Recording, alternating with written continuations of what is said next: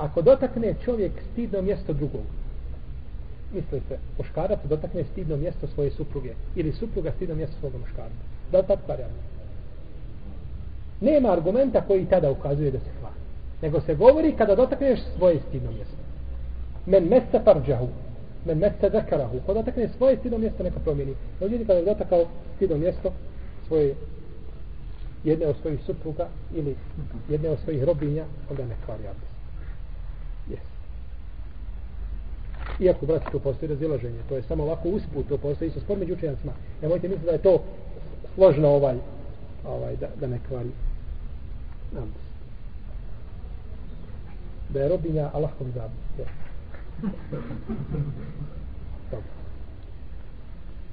Isto tako, po ome mišljenju, kada bi žena oprala svoje dijete, ne bi pokvarila abdest. Pokva, obere dijete i dotakne njegov, pa se kaže, često se pita, da li pranjem djeteta kvarim abdest? Ne kvari abdest doticaj nečistoće. To je po konsensusu pravnika. Nikad, znači, učenjaci nisu govorili da doticaj nečistoće koja se opere, da je to pokvarno šta?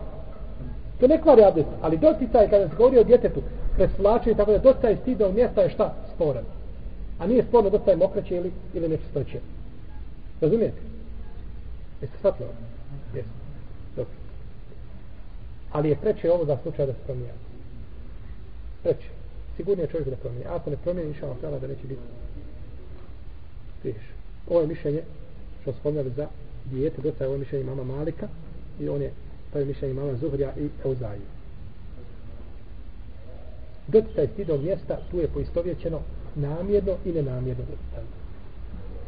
Nema čovjek, znači čovjek dotakne nenamjerno Čovjek smatra da doticaj stidnog mjesta kvari šta? Abdes. I kupa se. I dotakne stidnog mjesta nenamjerno. Je li to pokvarilo abdes? Jeste. Jeste pokvarilo abdes.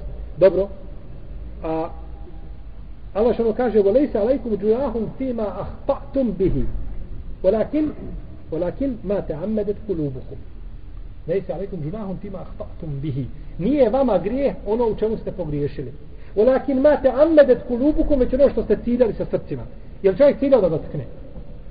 Nije. Pa bi onda ajet mogao biti dokaz da namjer, nenamjerno doticanje ne kvari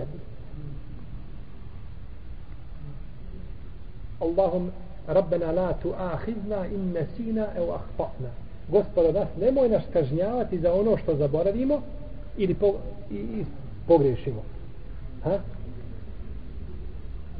Nije dokaz. Nije dokaz, ovo je znači dokaz da nemaš grijeha. Ovo je dokaz da je skinut grije ali što se tiče šartova i ruknova to zapamtite, tu ne vrijedi zaborav i namjerno i nenamjerno ja ću vam kazati. Čovjek došao i zaboravio nije sabdestio i klanjao namaz.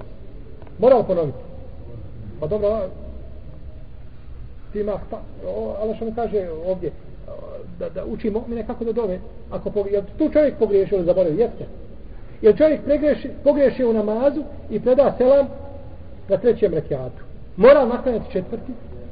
Mora, ne vrijedi to. Ti si tu u smislu Allah te neće a, a, kažnjavati u smislu da si ti učinio grije Jesu učinio ti prijestup a neće biti kažnjen zbog toga. Međutim moraš šta nadoknaditi tu?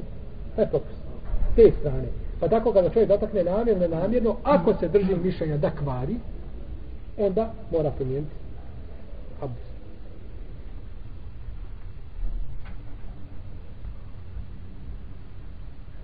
Doticaj stidao mjesta preko nečega ne kvari abdest. Znači preko odjeće ne kvari abdest. Dokaz tome je hadis u kome poslanik sa kaže od Ebu Hureyre, koji ima dobar lanac prenoslaca, ako neko od vas dotakne stidno mjesto, a između ruke i stidnog mjesta nema ništa, neka šta? Neka abdest.